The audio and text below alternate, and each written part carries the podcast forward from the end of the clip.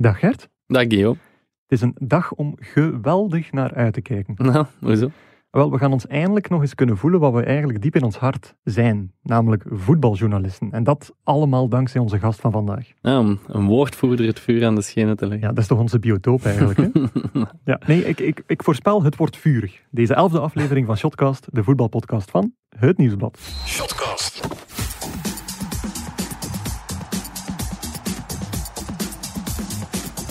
Ja, ik ga, ik ga starten met een, eh, met een WhatsAppje van onze gast in kwestie eh, eh, voor te lezen. Want ja, we hebben destijds wel, wel contact gehad, wat logisch is, woordvoerder, journalist. Een WhatsAppje van, van 1 augustus. Ik open de aanhalingstekens. Zeg, dit jaar wil ik ook wel eens in Shotcast komen, hé? Ik vind dat na ongeveer 40 keer over ons gehad te hebben, dat we nu wel eens een recht van antwoord hebben. Stijn van Beveren, woordvoerder van de Pro League. Uw recht van antwoord, go. Dankjewel Guillaume. We gaan eraan beginnen. Ja, zeg het maar. ik, vraag, ik vraag mij oprecht af waar dat wij de Pro League zo gekieteld hebben. Nee, eh, jullie doen jullie vak. En zeer goed. Maar ik vind het ook wel eens plezant om eh, op bepaalde zaken die worden aangehaald Ja. ook eens eh, onze visie te geven. Of zaken die misschien soms eens niet worden meegegeven. Maar voor alle duidelijkheid, het is geen justitieel afgedwongen recht van antwoord. Oké, dat, dat komt volgende week nog in Ja. de waarschijnlijk. Nee, maar om dan meteen eh, daar bij dat onderwerp te blijven. Wat was dan in heel die heisa afgelopen zomer, de laatste maanden nog steeds, hetgeen waar dat je het meest jammer van vond dat het nooit benadrukt geweest is? Of wat altijd gemist werd dan in de verslaggeving? Wat ik misschien denk, en dat is dan vooral naar, naar ook mijn collega's toe. Ja. ehm Pro League wordt vaak verengd of gezien als enkel een raad van bestuur of een algemene vergadering die over bepaalde zaken vergadert en al dan niet eh, overeenkomt. Terwijl natuurlijk, eh, het is veel meer dan dat. Hè. Eh, het is een jonge ploeg, super gemotiveerde mensen die heel hard werkt rond heel veel zaken. Mhm. Dit seizoen alleen, of vorig seizoen alleen al, de ganse rebranding, uh, het nieuwe tv-contract, uh, alles wat betreft toch ook die COVID-protocollen die zijn geschreven, die worden bijgehouden. Dus dat is, ja, ik vind het vooral ook voor collega's soms wel jammer dat het wordt gezien als van, uh, oh, weer al ruzie, alleen mannen, wat is dat nu? Terwijl dat eigenlijk, het is ook wel meer dan dat. Dus als, als jij en collega's aan mensen op café vertellen, we werken bij de Pro League, ah, het kan nu niet meer, dan wordt er altijd ge- gereageerd van, dat is die binnen ruziemakers. En dat zijn... Het is de- meestal als ik het café binnenkom, dat dan onmiddellijk, ja jongens, wat is dat nu weer? M- moet je, En zo begint de avond. Ja, oh, altijd gezellig dus. Maar moet je dan niet eerder, in plaats van naar de media, effectief naar de ruziemakers kijken? Want zonder ruzie geen verslag over ruzie. Ja, dat klopt. Maar ik verwijt, ik verwijt de media ook helemaal niet hoor. Nee? Voor alle duidelijkheid. Nee, nee, absoluut niet. Ieder zijn job. Uh, dus ik verwijt de media helemaal niet. En verwijt je de clubleiders dan niet van, eh, jongens, pas toch een klein beetje meer op af en toe? Ja, weet je, er zijn soms bepaalde dynamieken die op een bepaald ogenblik beginnen lopen en dan gaat dat, hè. Ehm, Dan het, gaat grote dat. verschil, het, gro allee, het grote verschil tussen voetbal en heel veel andere sectoren is gewoon dat uh, wat bij ons gebeurt heel snel en heel vaak zijn weg vindt naar, naar uh, verslaggeving. Ik denk dat bij jullie, de redactievergaderingen, dat die soms ook wel eens, uh, dat dat een botsing van ideeën is. Ja. Dus... Maar dat komt dan niet in de krant. Ja, dat zal wel boeiend zijn. Ja, Terwijl bij ons het natuurlijk, ja, het komt in de media. Dat is denk ik, dat is gewoon het verschil. Ik ben ervan overtuigd dat in heel veel sectoren vergaderingen soms wel eens uh, aan een iets luidere toonaard zijn. Maar het komt niet in de media. Is dat ook niet gewoon omdat uh, voetbalbestuurders bijna meesters zijn geworden in het gebruiken van de media om hun uh, stelling door te duwen? Niet echt beseffende wat voor eigen schade dat dat toericht? Ik denk dat dat soms wel meespeelt, ja. Ja, oké. Okay. Ja, het, is, het, is, het gaat moeilijk worden om de woordvoerder in een hoekje te knellen, heb ik het gevoel. Het gaat heel moeilijk worden. Het is, uh, het is heel voorzichtig. Nu, ik, ik had eigenlijk maar, we gaan het er waarschijnlijk straks wel nog over hebben, maar ik had één pertinente vraag. Stijn, doe je het nog graag? Ja, ik doe het graag. Want zo lang zijn er nog niet in die functie uiteindelijk, hè? Twee jaar. Ja. En... Iets meer dan twee jaar, hè? vanaf propere handen. Ja, oh, wat een fantastische twee jaar is het eigenlijk geweest. Uh. Soms denk je dat ik het voetbal jinx. Ja. nee, maar je doet het nog oprecht graag? Ja, ik doe het graag. Ik doe het graag. Uh, ja, denk dat er weinig meer uitdagende jobs zijn uh, dan dit eigenlijk. Hè. Dus gewoon, ja, wat dat soms zwaar weegt, is, het is natuurlijk echt wel 24-7. Ja. Je moet 24-7 op je kivive zijn, bereikbaar zijn. Er zijn wel momenten dat, dat, uh, dat ik soms wel denk van... oef. Oh, Ik, ik eh, grijp meteen terug naar een, een vakantiemomentje.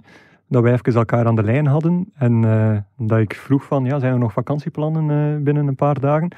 En dat je antwoord was van, ja, eh, mijn vrouw en kinderen zijn eigenlijk op dit moment op vakantie en ik ben niet mee. Dus dat is wel ouch. Dat is pijnlijk, maar dan denk ik ook van, kijk, eh, ik heb het nog liever zo dan dat ik meega en dan eigenlijk eh, tien dagen moet werken. Ja. Maar daar heeft niemand iets aan. eh, dat zorgt alleen voor fricties. Ja. is er echt aan alles een silver lining bij jou? Of kan je nooit gewoon eens zeggen van, goh, dat is kut? Ja, dat is kut. Oké, maar, maar toch altijd positieve eraan koppelen. Nee, maar het is gewoon, ja... Weet je, het voetbal is heel veel zwart-wit, maar... Of wordt zo gebracht, maar het is het eigenlijk niet. Hè. Nee. Nu, eh, je komt vanuit de Voetbal Plus Foundation. Is dan, eh, ja, wat, een, wat een zeer deontologische, ethische eh, ja, instantie is, die, die, die voor, ja, het, ik kom nu niet op het woord, maar voor goede doelenwerking, voilà, goede doelenwerking, eh, instaat. En dan vraag ik mij af, is dan het woordvoerder worden van de volledige Pro League, is dat dan de droomjob? De, de carrière stap die je altijd al wou maken? Want dat, zijn, dat is precies van wit naar zwart, van zwart naar wit. Goh, dat is veel zwart-wit, Guillaume. Ja, dat is heel veel zwart-wit, ja. Nee, ik ben inderdaad begonnen eh, om voor de community in het voetbal te werken. Dus het sociale eh, engagement van het voetbal. Nu, ik heb dat eh, bijna zeven jaar gedaan. En daar begonnen ook wel zaken erbij genomen, doorgegroeid. Ik denk dat het wel iets is dat iedereen wel heeft. Dat hij op een bepaald ogenblik zegt van... ik wil wel iets anders, een andere Ja. stap gaan doen. Ik- denk dat ik communicatief niet de minste ben. Dus ik vond het eigenlijk wel... Ik was wel ja, Gecharmeerd door gecharmeerd toen het werd gevraagd. En ik dacht, eh, het is wel een boeiende uitdaging. Let's Ja. go. Boeiend is inderdaad wat geweest. Propere handen, eh, competitieafloop. Dat is eh, inderdaad niet min geweest. Ik heb nog een, een restberichtje aan dat WhatsAppje vooraleer dat we met de normale... Dat is, al, dat is colloque singulier, hè, Guillaume. Ja, uit, de, uit de biecht klappen, hè. Ja. Ja. Dus, want je eindigde de WhatsApp-berichtenreeksje met... Ik heb trouwens ook veel verhalen over bierzuipen. Ik weet zelfs niet meer wat de aanleiding was. Denk Lars. Die, die nu niet. meer bij ons is.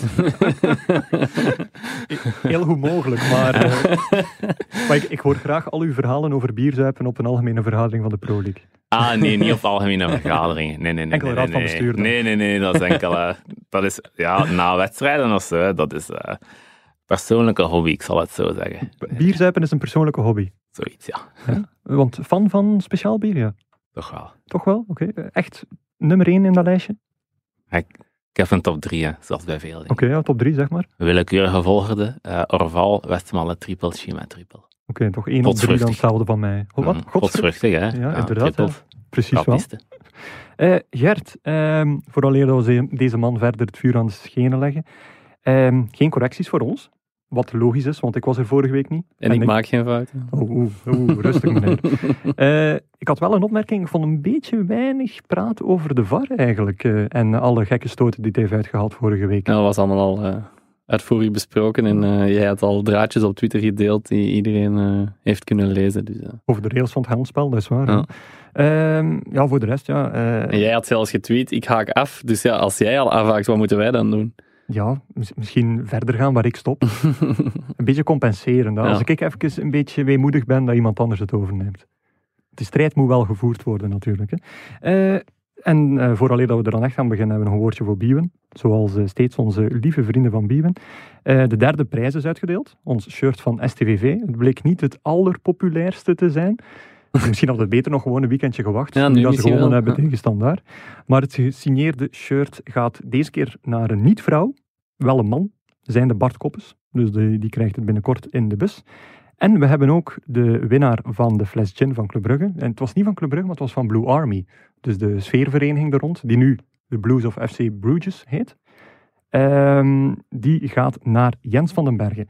Dus uh, mannen vrouwen is het 2-2 in uh, Ja. prijskampen geworden. Ge- gesponsord door eh Sterkstokers en Patrick Groot. Ah, goed dat hij er nog zeggen van eh. Patje. Dat is waar. Nu, eh Biewen heeft een eh, nieuw shirt natuurlijk, dat straks in de speeltop te winnen valt. Eh, en dat wel voor de ploeg die dit weekend drie keer scoorde in zes minuten. Zijnde, Stijn. Oei, KV Oostende. KV Oostende. Dat zal wel zijn, een gesigneerd shirt van KV Oostende dat eh, straks eh, te winnen valt. Ik dacht van, ja, je zit hier in Shotcast, we zijn een trouwe luisteraar. Je weet wel dat er af en toe een keer een vraag komt waar dat je ja, voor op je kivief moet blijven, om je eigen woord te Ik dacht op mijn kivive te blijven, ja. Ja, dat is maar toch nog goed herpakt uiteindelijk. Hè? Eh, zeg eens, eh, je bent echt trouwens een wekelijkse luisteraar van Shotcast? Door Bijna winters? wekelijks. Bijna wekelijks. Bijna wekelijks, ja. Het hangt er vanaf. Ik luister in, in de auto. Ja. Dus het hangt er vanaf. Kijk, ja, nu moet ik minder in de auto zitten, want we moeten thuiswerken. En het programma is, luisteren? ja, het programma is niet goed genoeg, waardoor je echt gewoon dat thuis eventjes opzet op de radio, op de Marshall, op de luidspreker. Maar ik heb u gezegd, het is voor mij ook zo een, eh, een eh, vervangmiddel om niet altijd al de kranten te moeten lezen. Hè. Ah, oké. Soms wil ik dan de kranten lezen. Dus je je vindt dat we gewoon de kranten napraten. Nee, dat is niet waar. Nee, nee, nee, Guillaume, leg me geen woorden in de mond. Ja, maar het is zwart of wit bij mij. Hè? Ja, het blijkt, maar bij mij niet. Oké, goed. Zwat, dan gaan we over naar de openingsvraag. Hè. Wat hebben jullie afgelopen week gezien of gedaan? En ja, Stijn, jij hebt eh, vier of vijf mailtjes gestuurd met afgelaste wedstrijden. Ja, klopt. Eh, er waren er eh, een aantal dit weekend, hè, die helaas zijn afgelast wegens eh, een, eh, vrij veel besmettingen bij Ja. sommige clubs. Ja. Zes, Hoe een, tien, veertien. Ja, hoe, zeg hoe maar, een hè. drukke dag is dat dan? Op, op, ah, zoals vrijdag, eh, allee, bij ons, de, de WhatsApp-groep van de voetbalredactie, die rinkelde elke vijf seconden bij wijze van spreken. Hoe is dat dan bij u? Ja, zo'n dag is wel gaan. Echt gaan van, eh, van, van opstaan tot gaan slapen. Ja. Dat is echt. Ja. Ja. Wat moet je dan allemaal doen? Hoe komt dat tot bij u, die berichten? Eh, hoe... Echt we vers- vrijdag is met drie afgelaste eerste klasse Eh, dus mijn vrijdag is begonnen iets na twaalf s'nachts, eh omdat ik aan het wachten was op eh, info vanuit het overlegcomité. Ah, Eh, Ook rond één uur s'nachts had ik die. Dan ben ik gaan slapen, dan ben ik om 6 uur 30 wakker geworden. Dan moest ik mijn kinderen in brooddozen maken. Ja? Dan krijg ik ondertussen telefoons. Dan blijkt dat eigenlijk al zeer veel is uitgelekt.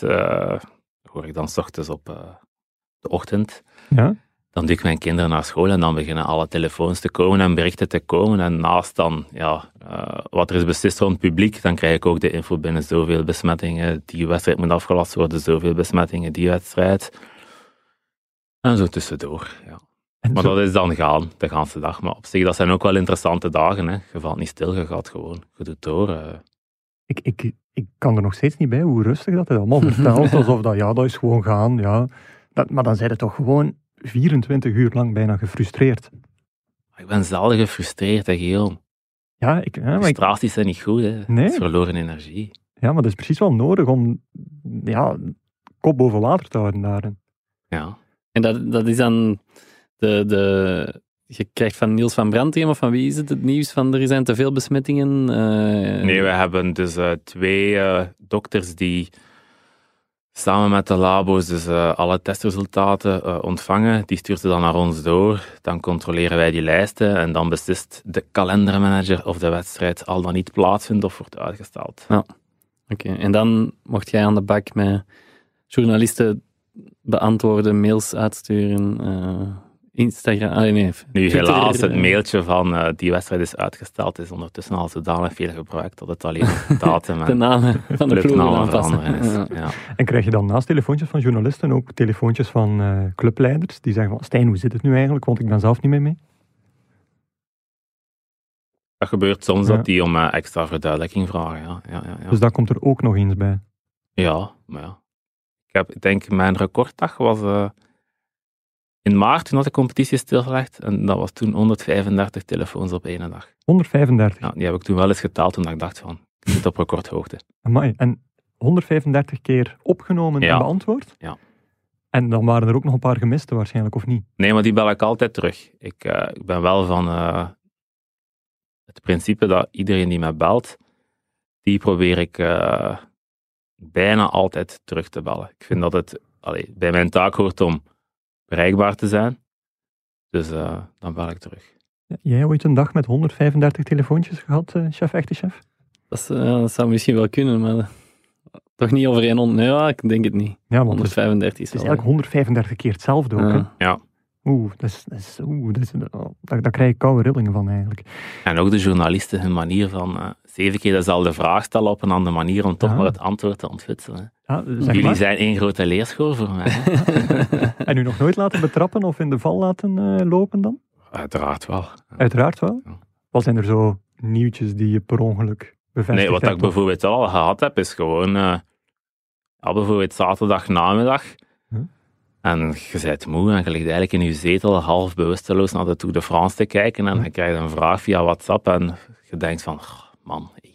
Ja. En je antwoordt gewoon zoiets van, eh, ja, ja. En- En, dan eh, een uur later of drie kwartier later wordt je opeens tientallen telefoons van, eh, ja, maar je hebt dat bevestigd, je hebt dat bevestigd. Dan had je al iets van, Oei, miljard. En wat Dus- was dat toen? Dat was eh, vorig jaar toen met de afwikkeling van eh, KV Mechelen-Beerschot. Het zoveelste proces. eh? De zoveelste beroepsprocedure. En, ja, ik was echt naar de Tour de France aan het Ja. kijken in de zetel. En, eh, een momentje van onoplettendheid. Hè. en dan een, een wegduwende ja-ja werd dan als een bevestiging aanzien. Ja, Oké. Well, Gedeelde verantwoordelijkheid zou ik dan voilà. Ja, zeggen. ja. Dus, uh, Ik was ook niet boos hè, op die journalist. Was gewoon... Dacht alleen... eh waard boos op jezelf. onthouden als je siestas doet, eh, niet antwoorden. Nee, dat is waar. maar ja, hoe gaan de anderen die 137 telefoontjes allemaal kunnen Voilà, beantwoorden? het is dat. hè. Het is dat. Eh, Gert, eh vooraleer dat we hier verzanden in, eh, in de Pro League. Wat heb jij afgelopen weekend gedaan? Of gezien? Een wedstrijd uit de Super Pro League gevolgd, eh, Guillaume. Eentje die doorging zo hard. ja, inderdaad. Eh Antwerpen-Beerschot, hè, zaterdag, zondagmiddag, half twee. Mhm. Ik moet zeggen, zelfs eigenlijk een nieuw uur waar ik in het begin een beetje op gevloekt heb van het Ja. seizoen. Van half twee, ja, zo vroeg op de dag al, al voetbal beginnen kijken. eh, maar, Voelde als half drie door dat winteruur. Hè? Eh, Ja, dat misschien ook wel, maar ehm, ik, ik, ging, ik ga regelmatig zondag voormiddag fietsen en dan is om half twee thuis en al snel voor voetbal te, te willen kijken. Maar nu mogen we toch niks gaan drinken, dus nu was het een welgekomen uur. Eh, Ik vond het een aangenaam uur, omdat, je- omdat je dan nog na de middag nog wat kunt doen. Dus aangenaam moment, eh half tw- tweede wedstrijd. En ja, ehm, maar ik vind eigenlijk, hè, Antwerpen-Beerschot, ik heb er zelf enkele meegemaakt al. Ik vind... eh, Zij al zo oud. ja, ik vind een derby zonder publiek geen derby. Allee, snap je wat ik bedoel? Eh, Ik vind dat dat opgaat voor elke voetbalmatch bijna. Tenzij het eentje in de provinciale krochten is. Maar Ja, maar een, een Antwerpen-Beerschot, stel als die nu, nu stond, waren de belangen hoog, allee, groot. Hè, dus de, Ja. ze speel, Antwerpen speelde voor de leidersplaats. eh Beerschot stond Antwerpen, allee, was Antwerpen aan het kittelen als, als ploeg van het stad. Dus de, de belangen waren groot. Maar als zelfs een Antwerpen-Beerschot in normale omstandigheden, als die nummer 6 en 7 staan in 1B, of, of 4 en 5 in 1B, zelfs dan nog spat dat, dat fantastisch gevoel van die match eraf. En dat, dat ontbreekt nu compleet. En allee, we hadden geluk dat het een goede wedstrijd was en dat het een, een, een wedstrijd was met belangen, maar ja, zonder publiek vond ik het eigenlijk geen... Allee, het was een match als een andere daardoor. Ja. Gelukkig dat sportief wel een leuke Ah, partij wel ja, dat is dan het geluk, eh, het geluk wel geweest, ja, inderdaad. Een goede openingskwartier van Antwerpen vond ik. eh, Een allee. subliem kwartier. Ja, eh. Dat was een gigantisch En verschil. dan Beerschot dat terug in de, terug in de wedstrijd komt, het komt terug gelijk. Dus, dus er zat ook spanning in. Er zat, allez, er zat veel in wat je in een voetbalwedstrijd wilt, wilt zien. Ja. En En uiteindelijk wel een verdiende zege voor Antwerpen, vind ik. tja, dat hangt er vanaf welke bril je op hebt, denk ik. eh. Ja, maar ja, een neutrale. ja, ja, als je- ja, dat is waar, maar ehm, er valt ook... Allee, je zag de vermoeidheid bij Antwerpen toenemen, voor hetzelfde geld wint... eh allee, Beerschot dat even goed kunnen winnen. Ja, oké. va. Nu, eh, Stijn, mag jij gewoon losgaan over analyse van clubs? Genre bijvoorbeeld hoe Antwerp-Beerschot was? Of ben je daarvoor op je, op je hoede? Het was een aangename wedstrijd. Is, is dat niet vervelend dat je altijd... zo- Wel, Je ziet toch ook voetbal? Je begrijpt Ja. toch ook voetbal? Dus dan zou je toch ook... En dat doet, Ik kijk naar voetbal. kwaad Of ik het begrijp, dat is iets anders. Hè. Dat Maar- weet ik niet. Hè. Er is toch geen probleem met een mening te delen over een voetbalwedstrijd? Tuurlijk, het was een aangename wedstrijd. Ja. Soms zeg ik ook, het was een echte cupmatch. Ja, dat zeg je soms ook, ja. Mhm. Het, was, het was een leuke match, hè? Het was, het was een leuke Ja, match, mhm. En daar kun je dan oprecht van genieten? Of, of denk je dan meteen aan, goh, Paul Heijsen zit nadien te, te kakken op de arbitrage en dan een mogelijk telefoontje dat nog binnen zou kunnen komen nadien voor jou, of voor een reactie vanuit de Pro League? Nu niet specifiek over deze case, maar als er iets anders gebeurt. Ja, het is natuurlijk wel als ik uh, aan het kijken ben en er gebeuren incidentjes, dan weet je wel van. Uh, als ik dan bijvoorbeeld op café zal zitten, ja. dan weet ik wel van nu moet ik stoppen met die volgende trappist, want er zouden wel eens vragen kunnen dacht ik. Ja. Trappist, triple, uh, maakt niet uit. Hè. Of geen siesta doen, dat is dan ook wel verstandig. Geen siesta. Nee, dan kijk ik naar de cyclocross. Oké. maar nu over Gijs is gesproken, uh, ja. ik vond het wel een opmerkelijk interview. Uh, het is zo typisch. Wat heeft hij exact gezegd? Ja, hij heeft gezegd van ja, um, ik ben... Hij, eigenlijk kloeg hij over de arbiter dat, um, dat er bepaalde fases in nadeel van Antwerpen werden gefloten en in voordeel van Beerschot. En ik vond de opvallendste zin in zijn betoog was: Ik ben iemand die graag de controle heeft. Het was niet meer om aan te zien. En dat zegt eigenlijk ook een beetje waar de man ongelijk heeft, vind ik. Want hij mag ook geen controle hebben over de scheidsrechter. En ja. dat is bij hem, in al zijn businessen, ik, ik, ik, ken de man, ik heb er een paar keer mee, mee samen gegeten en zo, dus ik weet een beetje hoe hij ineenstikt. En hij wil altijd de controle blijven hebben, maar dat kan nu eenmaal niet met een scheidsrechter, met een arbiter, dat mag ook helemaal niet. En toch heeft hij dat is hetgeen dat hem frustreert in het voetbal, dat hij, dat hij bepaalde zaken niet onder controle heeft. En zo herinner ik mij ook een uitspraak van twee jaar geleden, denk ik, na de wedstrijd tegen Club Brugge in de competitie, denk ik dat was. Um, dat hij zei, de VAR was toen nog niet ingevoerd en er waren, was een discutabele fase in blessuretijd en toen kwam hij na de match, uh, zei hij tegen mij plots van ja, uh, ik heb het hier al lang gezien. Um, ik ga een eigen videoref-installatie kopen voor hier op de Bosel, zodat het hier tenminste altijd juist is. Ja. Dus zo'n idee, zo simpel lijkt het voor hem. Maar in businessleven is het ook simpel voor hem. Hè. Ik koop, allez, wat ik wil, ik koop het en, en het, zal, het zal werken en het, het, het zal marcheren zoals ik het wil. Maar dat gaat nu helemaal niet in voetbal. En dat zit ook achter die uitspraak, vind ik. Me, Toont nog meer dan dat, dat Gijsens um, echt zijn best doet in het voetbal, maar het voetbal nog steeds niet helemaal uh, tot zich. Ah, wel, ja, hij, hij, hij, denkt uh, dat, hij, dat het een business is. Allee, hij, of hij zou het willen runnen zoals als een andere business waarin hij bepaalt wat er gebeurt en wat er kan en wat er niet kan. En dat je bepaalde dingen kunt kopen. Ja. Ja, dat kan niet in voetbal. Hè, dus. nee, nee. Uh, meningen daarover, Stijn? Ik denk dat je dat soort van uitspraken in een seizoen wel vaker hoort. Hè. Dus, wat, wat, wat, een weer wollig antwoord. Prachtig. Ja, sorry. Ik ben aan een CD&V. Op een kwartier tijd dat, dat mag dan wel, natuurlijk. dat mag hij dan wel doen. Nu, uh, over die match. Uh, ik vond het heel aangenaam om volgen. ik vond eigenlijk wel nog een leuke sfeer die aanwezig was. Ondanks het feit dat er geen supporters waren. Geen derby-sfeer of zo. Maar iedereen was er wel naar aan het uitkijken. Het werd ook heel groots aangepakt door, door alle media. Eén ding dat, dat ik nog steeds niet begrijp. Er wordt getost. Mm -hmm. Mike van Hamel, kapitein van Beerschot en gast geweest hier in de Shotcast, die wint de tos. En wat doet hij? Die vraagt om van kant te wisselen. Het is toch niet dat die supporters van, van Antwerp plotseling naar hun eigen spiontop kunnen nee, spelen? Nee. Of, of, of... Ik, heb het, ik, uh, ik heb het gevraagd aan Mike. Gevraagd, ja, ja, ik heb het hem gevraagd. En uh, wat hij ook zei was, en dat klopt wel, ik, allee, dat, dat wordt zelfs in provinciale soms gedaan. Hè, een thuisploeg die gaat altijd opwarmen op hun gewone kant, de kant waar ze altijd opwarmen. En daar ja. starten ze 90% van hun thuiswedstrijden. En Mike had het gewoon gedaan om, uh, om, om Antwerpen uit hun ritme te halen en, en aan de andere kant te laten beginnen. Maar hij zei er wel zelf bij, ja, heel veel heeft het niet geholpen als je 2-0 achter staat na een kwartier. dus uh, ja, waar ik, waarop ik dan zei van, ja, maar Antwerpen heeft dit seizoen vooral achtergekomen, dus je hebt ze eigenlijk op hun goede kant laten Ja. beginnen. Dus uh, ja. Ja, dus eigenlijk zelfs het tegendraads effect ook. Ja. Ja.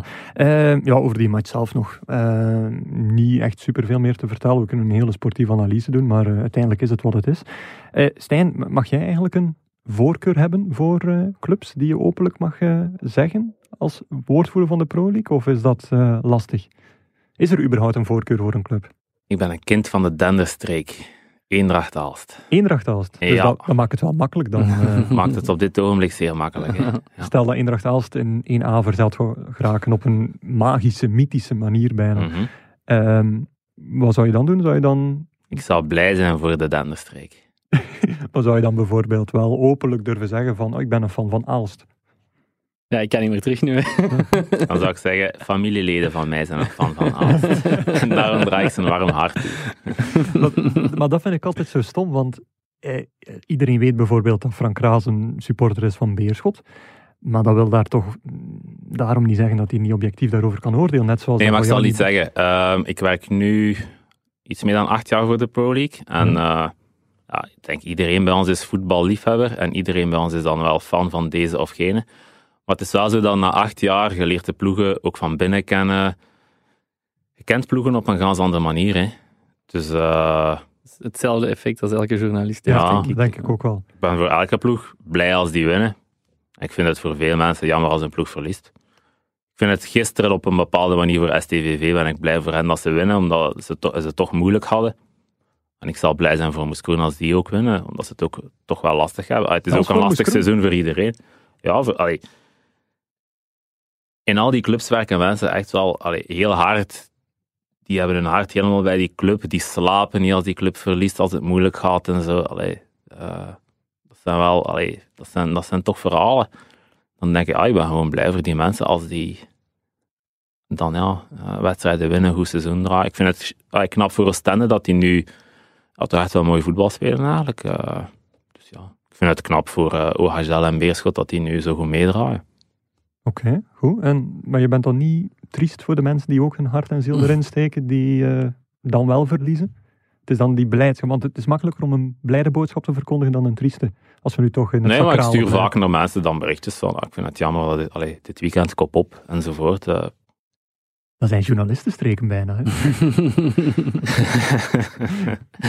ik, ik, ik Nee, maar ik- allee, wat, hij, nu- wat hij nu zegt, je leert die clubs op een andere manier kennen. Dat hebben, dat, dat hebben journalisten ook. Hè. Je- maar wat ik dan altijd zeg tegen mensen is, ja, je leert de slechte kanten van, hè, van bepaalde clubs ook kennen. Je, als, als kind en als, als opgroeiende tiener of zo, dan heb je een bepaald idolaat beeld bij, bij spelers, bij clubs. En ineens word je met een realiteit geconfronteerd dat er ook klootzakken Ja. zitten en dat er ook vervelende mensen zitten die je niet willen antwoorden en die een beetje tegenwerken. En, en dan, dan brokkelt eh, al dat, ja, het, het idol, de idolatrie brokkelt geleidelijk aan af. En na tien jaar... Frustratie blijft achter. Ja, frustratie is overdreven, maar na tien jaar is, dat, is, is al dat, dat gevoel uitgevlakt zelfs ook. Hè. Ehm, Allee. Maar dus minder bij Stijn, die bekijkt het vanuit de positieve kant. Ja, dat je het wil noemen, hè, Guillaume. dat ik het wil noemen.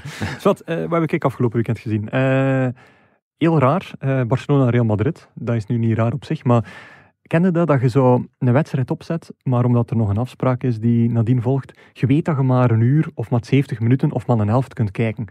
En dan is dat altijd moeilijk om daar zo in mee In te, zitten. Ja, maar- en zeker als het dan een wedstrijd is zoals Barcelona-Real Madrid, die nadien niet live op de radio verder becommentarieerd wordt, dan heb je zoiets van, ja, het eindigt voor mij na 60 minuten, terwijl de laatste 30 minuten, tactisch, wordt dat volledig uit elkaar getrokken dan, mensen worden moe, dan gebeuren de gekste dingen, of je hebt toch dat gevoel, ja, dan mist je dat. Dus daarom was de Classico voor mij al een klein beetje ja, verneukt, om het zo maar te zeggen.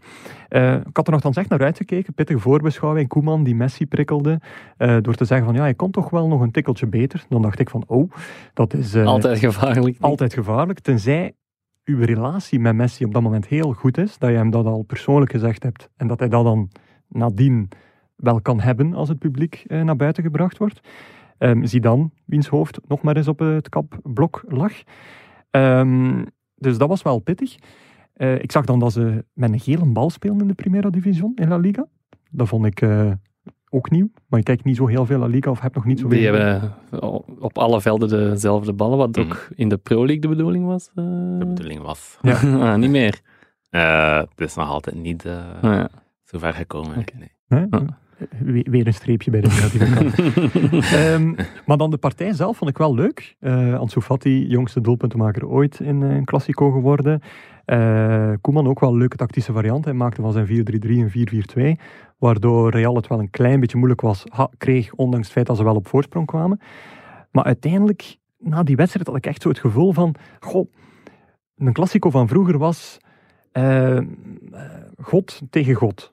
Ja. En, en nu had ik zo het gevoel van, is er nu hier eigenlijk na die doelpunten goed aangevallen geweest? Of gewoon warempel, wa waanzinnig slecht verdedigd? En ik neig een beetje naar het tweede. Ik weet niet of jullie... Dus het was de Classico van de armen voor u, een beetje. Ja, om, om het een titel te geven, chef echte chef, zou, ik- zou ik het misschien nog zo durven noemen. Maar ik vond het ja, niet goed eigenlijk. Ik, ik dacht van, ja, het was vooral een klassico van de fouten. Ja. En Dus- eh, hoe komt dat, denk je? Ja, twee, ik- twee ploegen in, crisis, alleen, in lichte crisis die dan tegenover elkaar staan. Ja, daar? overgang, hè. In, in overgang sowieso ook Ja. Barcelona. Ehm, ja, het centraal achterin en ook met de, met de linksbak. eh, wat was het niet geweldig verdedigd bij Barcelona bij de eerste, bij de eerste tegengoal. Ehm, ja, het was, het was echt moeilijk. Dan een heel raar VAR-moment, waarbij ja, Ramos dan neergetrokken wordt in, in de 16, zoals Meunier overkwam eh, bij, bij Engeland, eh, in de, in de Interland tegen Engeland. Dat werd dan gefloten. In Club Brugge was er ook iets gelijkaardig bij een, eh, bij een vrije trap of bij een, eh, bij een hoekschop. Ehm, dus ja, dat, dat vond ik dan ook zo wel. Dat hoort er dan wel weer bij, maar dat draagt niet al, altijd bij aan een sportief goede wedstrijd. Maar jullie hebben Is, de is toch te weinig. Ik heb hem, ik heb hem mijn half oog Ja. gekeken eigenlijk. ja, dus het stond op, eh, maar ik was nog met andere dingen bezig. Dus ehm, ja, is het dan ook het ontbreken van de vedette, zoals je zelf aangeeft? Geen Ronaldo meer, eh, geen Hazard, geen. Allee, is ligt het daar aan? eh? Ik vind Sergio Ramos wel ja, een stevige ja, vedette. ja. Ja, ik vind dat niet, want zo Galactico's of niet, als je ze zo wilt noemen, daar ligt het niet aan. Want allee, het is toch niet dat Barcelona niet potentieel heeft om uiteindelijk, ondanks het feit dat zijn transfer een flop is, van Griezmann nog een ster te maken. Of van. Coutinho opnieuw een ster te maken. Van Frenkie de Jong een ster te maken. Dus daaraan zou het niet mogen liggen uiteindelijk. Nee. Eh, mag jij eh, wel over Spaans voetbal? Klassico's kijken. Ja, dat mag ik. En daar mogen je echt wel uw eh, ongeremde mening over geven. ja hè. ik denk het wel. Hè. Maar over deze specifieke... maar wat ik ervan vond, van Ja. deze, ik vond hem eh, ja, zo'n beetje een overgangsklassico. Hè. Ik denk dat we ook een beetje te veel zo ja, blijven hangen zijn in die klassico's van vijf of tien jaar geleden, die echt, Hmm. wel, echt wel intergalactisch waren. Intergalactisch zelfs. Maar, waar, hè? ja, maar dat is nogal vast. Hè. Ja. We willen altijd dat dat Ja, maar toen, het weer wordt. je hebt, Soms denk ik zo, goh, ik- hoe- ga ik ooit aan mijn kinderen hè, die klassico's van 15 jaar geleden Ja. eh, moeten uitleggen? En Ja, komt zo goed voetbal ooit nog terug? Ik weet het eigenlijk Maar niet. dat is gelijk dat onze ouders ons WK 86 moesten uitleggen. Hè. Ja, maar ja, laat ons zeggen. Dat Of- het of- of- niveau. Het, het- de generatie daarvoor, Mhm. het onverslaanbare Brazilië. Ja. Van 58 tot, eh, tot 70. Mhm. Allee, wel eens niet alle WK's gewonnen, maar toch, jaren 50 en 60 waren toch voor Brazilië. Dat was dan ook uniek voetbal voor die tijd. Ja, dat is waar. Mijn vader die vertelde al heel zijn leven over Cruyff en Eusebio. Ah. Dat moeten nogal wedstrijden geweest zijn. Wa- Ja, Cruijff dan de jaren 70. Goh, mijmeren. We beginnen te mijmeren. over- We zijn alle twee historici, hè? Dat is waar. Zwaar, Guillaume. Dat is We waar. zitten hier in de studio van nostalgie. Ja. Voetbal is nostalgie, hè? Ja, ja. Oh, Jezus Christus. Het is goed dat jij dan de reclame maakt. Het is gemakkelijk over het verleden, kan ik alles zeggen, hè? Ja, is dat zo? Ah ja, voilà. Hoe eh, is dat dan eigenlijk gegaan, zo die afwikkeling van de competitie? Ah, dat is nog geen verjaringstermijn. Ah, oké. Over vijf jaar. Allee, ik, ik stel voor dat we snel overgaan naar het volgende. De MV van de week of van het weekend. De rubriek waarin we wekelijks iemand in de bloemetjes willen zetten of net dat extra tikje geven of duwtje, waardoor hij of zij of x helemaal van de trap valt. Gert Gijssen, zeg het maar. Eh, ja, ik eh, ga voor eh, iemand bij Oud-Heverlee Leuven. Ik heb getwijfeld. Origineel, Ja, inderdaad. Enorm origineel. Zoveel matchen waren er ook niet hè, dit weekend. Nee. zijn schuld trouwens. Dank u. Ehm, nee, dus ja, je zou het Mark Brijs eh, in de bloemetjes kunnen zetten, want eh, wat de man... Allee, die kwam daar in een, in een bende chaos toe in de zomer bij, bij Leuven, dat een, dat een Amper promotiematch moest eh, Ja. voorbereiden, waarvan ze eerst niet wisten of dat ze ze moesten voorbereiden, dan allemaal spelers die eigenlijk niet meer onder contract lagen. eh allee, hij heeft daar op, nu te veel te veel spelers ondertussen. En, en ja, hij zet daar wel iets neer, allee, wat hij eigenlijk altijd doet, zeker in zijn eerste seizoen eh, bij een club. ook een goed voorbeeld. Ja. Ehm, maar die heb ik niet genomen. Je zou ook Rafael Romo kunnen nemen, die bij Beerschot eigenlijk twee jaar geleden al enorm goed was. En, en, Mr. Clean Sheet. ja, ja en, en die ik toen een paar keer heb bezig gezien. En, en echt, waarvan ik het echt zei, dacht van een enorm verlies voor Beerschot als die vertrekt. Maar dan kwam de grote Mike van Amel natuurlijk, al Ja. een vriend van de show. Maar ik heb toch voor Xavier Mercier gekozen. Want ehm, ja, ik vind die zijn, eh, zijn statistieken zijn fenomenaal. Hè. 10 goals, 9 assists. Ehm allee, dat, is een, ja, dat is waanzinnig bij een ploeg als OA Leuven na 10 wedstrijden. Hè. Een ploeg uit de top 4, dat is toch niet zo vreemd dan? Ja, maar bij OH Leuven dat al tegen elke G5-ploeg gespeeld heeft eh, ondertussen. En geen enkele keer Geen verloren. enkele ik. keer verloren. Drie dus- keer gewonnen, twee keer gelijk? Ja, 10 op, eh, of 11 op 15 tegen de G5. Ah, ja. Ja, Ja, zullen we nog bon. wel zien. Ja, we zullen wel gecorrigeerd worden. Geen probleem. Nee, ik, allee, en, en twee jaar geleden zag ik hem spelen bij Cercle Brugge in hetzelfde seizoen als Rafael Romo bij Beerschot uitblonk. Blonk hij enorm uit bij Cercle Brugge in tweede klasse. En dat was ja, ik dacht, ja, die gaat vlotjes mee promoveren in eerste klasse, uh, daar potten breken. Dat was dan toch niet, dus die zetten toch terug die stap naar 1B bij OA Leuven. En daar dacht ik eigenlijk, toen dacht ik, ja, 30 jaar, de stap terug naar 1B, die zien we niet meer terug. Uh, maar blijkt dat hij toch allee, op een of andere manier weer de manier gevonden heeft om te excelleren nu bij, bij OHL. Want ik vind, allee, het is echt wel een fantastische voetballer. Maar wel al 31 jaar ondertussen, dus uh, mm -hmm. moeten er nog, nu het nog kan, nog van genieten. Uh, Zo'n beetje ouderwetse tien die een beetje... Allee, zo ja. ouderwets niet, maar zo, zo'n speler die, die niet elke ploeg heeft eigenlijk. Ja, ja, ja een tienmond, ja. Ik, ik weet nog, James Rodriguez heeft ook tussen nu en twee weken geleden een interview gegeven over ja, het feit van ja, mijn positie bestaat eigenlijk bijna niet meer. Uh, waardoor hij ook bij Everton zichzelf toch een klein beetje moest, uh, moest heruitvinden. Uh, maar om nu de parallel te trekken met Xavier Mousset bij nader inzien, denk ik dat dat misschien een beetje, een klein beetje te, te ver gaat. Maar wat, we, we, hebben de vraag gesteld een paar weken terug. Sorry, ik moet mezelf even corrigeren. Die, uh, die 10 goals en 9 assists, dat was in tweede klasse. Hij heeft nu natuurlijk 4 goals en 7 assists. Ah, oké. Okay. Ja, dat zou wel extreem zot zijn, ja, want dan moet je niet, dan moet je niet Holshouser schoenen zeggen, maar, maar Xavier Mercier inderdaad. Um, wat gezegd van uh, Club Brugge eigenlijk, uh, na die match? Ja, Stra Allee, Club Brugge uh, heeft in, sinds de groepsfase van de Champions League bestaan, dus het was eigenlijk wel wat te verwachten, hebben ze van de negen keer dat ze gewonnen hebben in de Champions League, maar één keer de wedstrijd na de Champions League zegen kunnen winnen. En dat was nadat ze tegen Ajax gewonnen hadden, wonnen ze tegen Bergen. Mm -hmm. um, dus nu, dat was in 2003. Dus eigenlijk was het wel te voorspellen dat ze een steek gingen laten vallen tegen een OHL in vorm. Ja, ik, ik, had ook wel een beetje een Heuse Zolder gevoel. Club Brugge won op Milan, dan verliezen tegen Heuse Zolder. Maar ik denk dat Heuse Zolder toen historisch weinig punten heeft ja, gescoord. Heuse Zolder was toen niet van het kaliber dat OA Leuven nu is. Nee, dus het is een beetje uh, disrespectvol naar OHL om met, uh, met uh, Heuse Zolder te vergelijken. Stijn, was dit ook een aangename wedstrijd? Of wat kun je erover kwijt, OHL Club Brugge? Weinig. Een echte cupwedstrijd. Een echte cupwedstrijd. Heb je zo nee, ik vond, ik, vond, uh, ik vond vooral Hajal sterk. Eigenlijk. Ja. Heb je zo'n laden met zo ja, ja. boutades? Of, uh, ja, ja, fichebak. Michel Wuitsachtige fichebak. Mentaal. Oké, okay, goed. Wat, wat, geweldig om zo iemand in een analyse voetbalshow te hebben. goed, uh, maar Club Brugge, nog iets over te melden tussen Champions League wedstrijden door? Prachtige start eigenlijk, hè, op Zenit. Ja, aan mij. Ja, serieuze verrassing vond ik dat wel. Eigenlijk. Ik vond dat ook wel. Ik had dat totaal, totaal niet verwacht, hè, dat ze in Zenit, en, uh, en dan nog met die problemen die ze hadden, mm.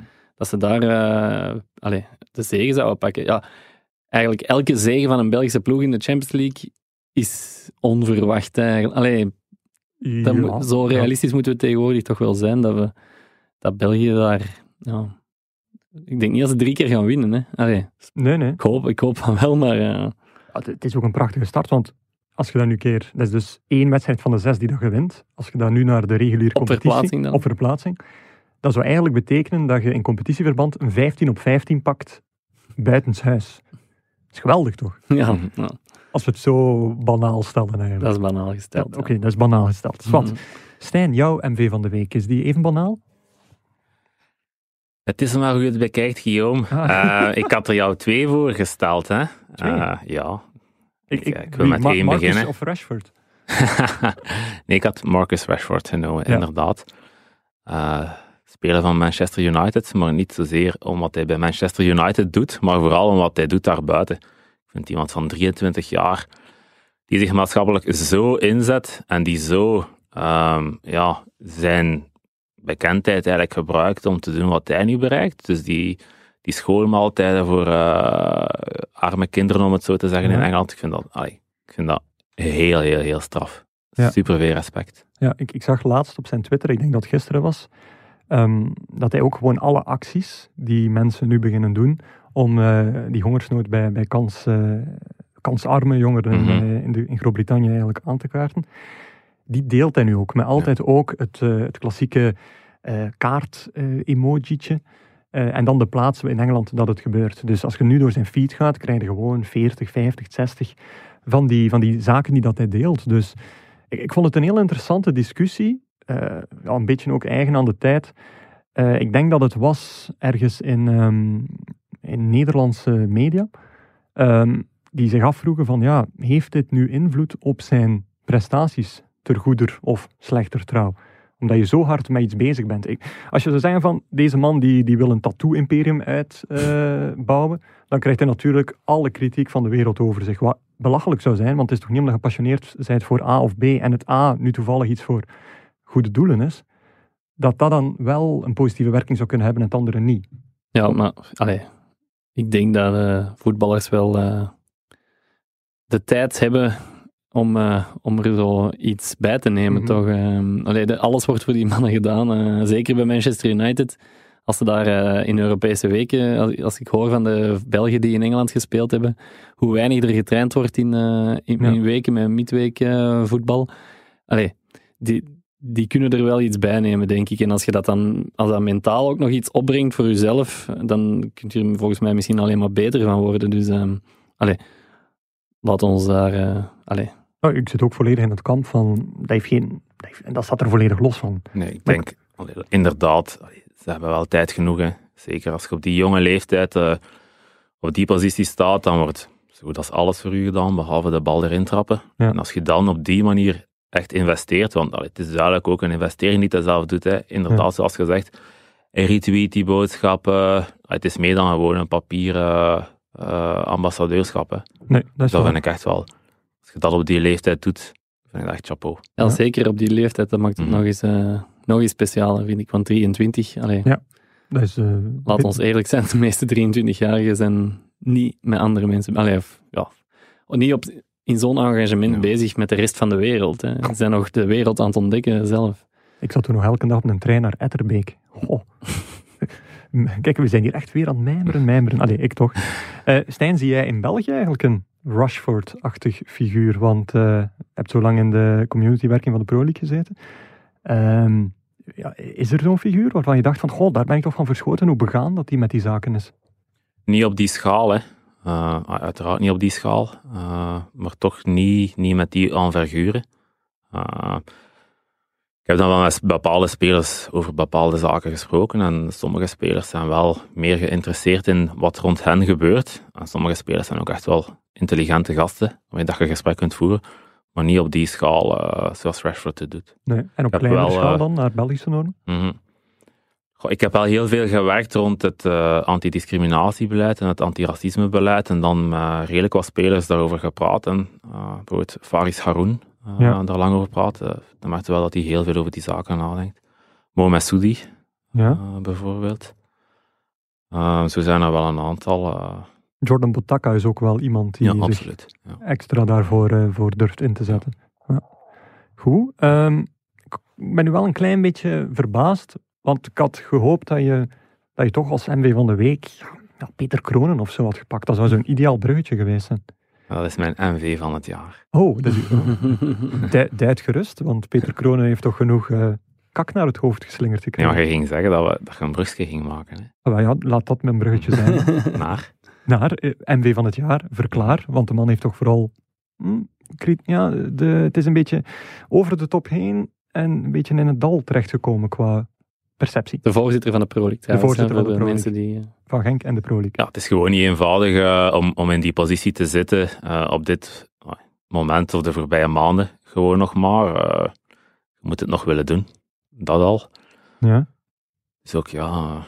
allee, die discussie bestaat al lang. Hè. Clubleiders, eh, moeten dat dan ook eh Pro-League bestuurders zijn? Ik denk dat die discussie zo oud is als het voetbal bijna. Mhm. Ik weet, toen ik acht jaar geleden begon, was het de eerste eh, onafhankelijke voorzitter die, die werd aangesteld, Ronnie Verhaast. Ronnie Die voorzitter is van eh, KV Kortrijk. Dan zet dat onafhankelijkheid toch weer in een perspectief, denk ik dan. eh. Zaken kunnen veranderen, hè, Guillaume, Ja. op acht jaar, kijk. Ja. En ja, toen is men teruggekeerd naar weer clubleiders. Omdat men zei van, ja, die hebben meer inzicht in een club. En nu is die discussie weer, dat is gewoon ja, de golfbeweging. eh. Ja, maar niet het een is niet beter dan het andere, denk je. Het zou niet beter Ah, het zijn heeft allemaal zijn min- en pluspunten. Hè. Allee, dat, vaak wordt er dan gewezen naar, naar Amerika en de NBA en zo. Die worden natuurlijk extreem eh, gecentraliseerd geleid. eh, ja.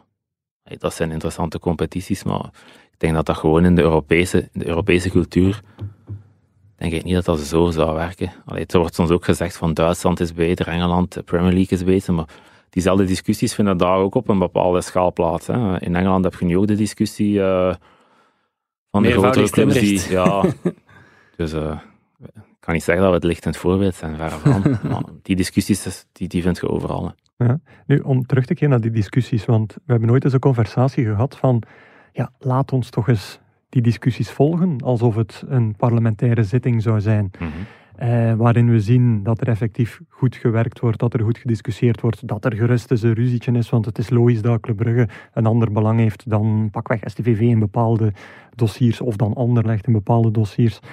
Dus eh, zeg ons eens hoe dat er eigenlijk eraan toe gaat, want het blijft iets, iets mysterieus, alsof je in conclaaf gaat en er lekt wel heel veel uit en er zijpelt veel door, maar hoe, zien we dat dan? Een stille groep? Is er een roerganger? Uh, wat is jouw taak? Kwartier later staat altijd alles op de site, dus je weet alles. Ja, maar hoe, gaat dat eraan toe? Wie, wie, neemt daarin nu eigenlijk het voordeel? Nee, dat is een vergadering en dat is een vergaderingdynamiek zoals die op zeer veel plaatsen gebeurt. En je hebt een aantal mensen die iets meer spreken, je hebt een aantal mensen die iets stiller zijn. En dan is er na de navergadering, zoals overal altijd het gegeven is. Uh, en mijn rol daarin is ik observeer en ik noteer en ik neem mee wat ik moet meenemen voor dan uh, de persconversaties of de persberichten of uh, als jij me belde in de oude mooie tijd. Ja, mhm. je komt nooit tussen, je krijgt nooit een vraag gesteld van... Ik krijg van soms een vraag gesteld. Ik heb nu natuurlijk... Ik heb die uh, COVID-protocollen geschreven, bijvoorbeeld. Dus ja, daar krijg ik dan heel veel vragen over natuurlijk. Ja. Uh, dus dan, dan, dan zeg ik wat ik moet zeggen. Uh, maar nee, ik kom, nee, ik kom niet tussen natuurlijk als als bepaalde discussies aan de gang zijn. Ja, je hebt nog steeds niet antwoord op mijn zoals-vraag. Wie dan het voortouw neemt, wie dan wat stiller is, wie de personen zijn die de leiding nemen, die de goede ideeën aanbrengen. Zijn dat altijd de personen zoals in de kranten en sites geschreven staan? Of zijn dat de personen die van zichzelf zeggen, die dan interessante ideeën aanbrachten en dan blijkt het niet waar te zijn? Het meeste komt naar buiten, hè, Guillaume. Oeh, kijk, het gaat niet lukken vandaag. Hè? Nee. het, gaat, het gaat niet lukken. We gaan, we, gaan, we gaan stil aan opgeven, denk ik. Nee, maar ik denk wel dat er heel veel. Dat wordt soms voorgesteld als zo'n soort van uh, geheim genootschap die zo. Ja, de Stonecutters uit Simpsons. Ja, bijna. Maar er komt heel veel naar buiten. Er komt echt wel veel naar buiten. En vaak kloppen zaken, zaken ook gewoon zoals ze naar buiten komen. Hè. Uh, we hebben nu een nieuwe raad van bestuur. Ik vind dat die eigenlijk wel goed werd. Er zitten heel uh, constructieve personen die heel verstandige zaken zeggen. En dat was daarvoor ook. Uh, het is allemaal... Het wordt soms geromantiseerd, maar dat is het wel niet hoor. Nee. Misschien moeten we hier gewoon eens een bedje gaan leggen, zorgen dat hij een siesta doet. dan gaan we er misschien wat meer uit krijgen. hoeveel, hoeveel moeite heb je bijvoorbeeld gehad, persoonlijk dan, om zo um, in, die, in heel die saga van de competitie, de beëindiging, al de, allee, de, de afwikkeling van de competitie, dan moet jij eigenlijk altijd het, het, hetgeen gaan vertellen wat eigenlijk andere mensen beslissen en andere mensen... Hoe, hoe moeilijk is dat? Je moet niet zeggen of dat je achter bepaalde beslissingen stond of niet, maar hoe moeilijk is dat om, dan, om, om soms het ja, onverdedigbaar te gaan verdedigen voor jezelf misschien? Eh, is dat niet iets... Eh, ik zou dat daar dat zou voor mij het moeilijkste aspect van, van zo'n job zijn, denk ik. Eh, ik weet niet hoe jij daar tegenover staat. Ik zit er bijna altijd bij. Dus ik kan dan wel de gedachtegang volgen die tot een bepaalde beslissing heeft geleid. Mhm. Dat het uh, al makkelijker is om het te, allee, te duiden en te verklaren. Ja. ik vind het gaat vooral om duiden en verklaren. Uh, nu, dat gaat dan altijd om globale beslissingen. Hè. En dan, het is onvermijdelijk dat er we hebben nu 26 clubs. Het is onvermijdelijk dat er altijd wel clubs zijn die benadeeld zijn. En dat begrijp ik dan ook. Uh, en het is ja, onvermijdelijk dat er vanuit jullie hoek bepaalde vragen komen en zaken anders worden gezien. Maar ik dacht dan gewoon altijd uit te leggen van kijk, uh, dit is de situatie en dat heeft geleid tot die beslissing. En achteraf kun je nu wel zeggen dat bepaalde beslissingen die toen zijn genomen, hadden misschien ja, hadden anders genomen kunnen worden of hadden ons wel wat moeilijkheden kunnen besparen de voorbije maanden. Maar uh, weet het is ook beslissingen worden genomen op het moment. Uh. Ik denk dat iedereen in de maand april, mei ook wel dacht van ja, als we nu de competitie afsluiten, dan kunnen we de volgende competitie goed voorbereiden. Dat is het beste idee. Ja, ik denk dat die Iraanse COVID-situatie wel toont van de beslissing van vandaag is niet de waarheid van morgen. Dat is ook in het voetbal deels zo gebleken. En ik begrijp dan wel, allee, je krijgt dan natuurlijk op sociale media mensen die, die hun club verdedigen, die niet gelukkig zijn daarmee. Maar ik snap dat ook wel. Hè.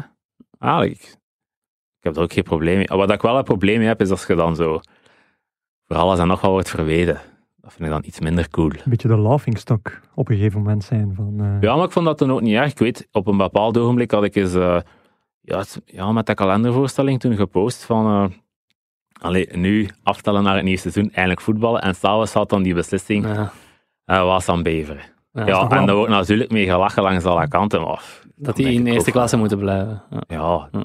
En dan wordt dan mee gelachen en die tweet Dat was wordt wel geretweet en karma al. die een dag. Dat dan Dat was, beetje, dat, dat was pijnlijk, maar dan denk ik ook van ja, zo so be it. hè. Wat maakt het uit? eh, Moet je, moet je in uw functie niet heel hard eh, iemand zijn die eenmaal moet kunnen uitschakelen en alleen ratio? Want ik zou bijvoorbeeld enorm moeilijk hebben om, als er een journalist belt met een, eh, een vraag van, dat is toch een onbegrijpelijke beslissing.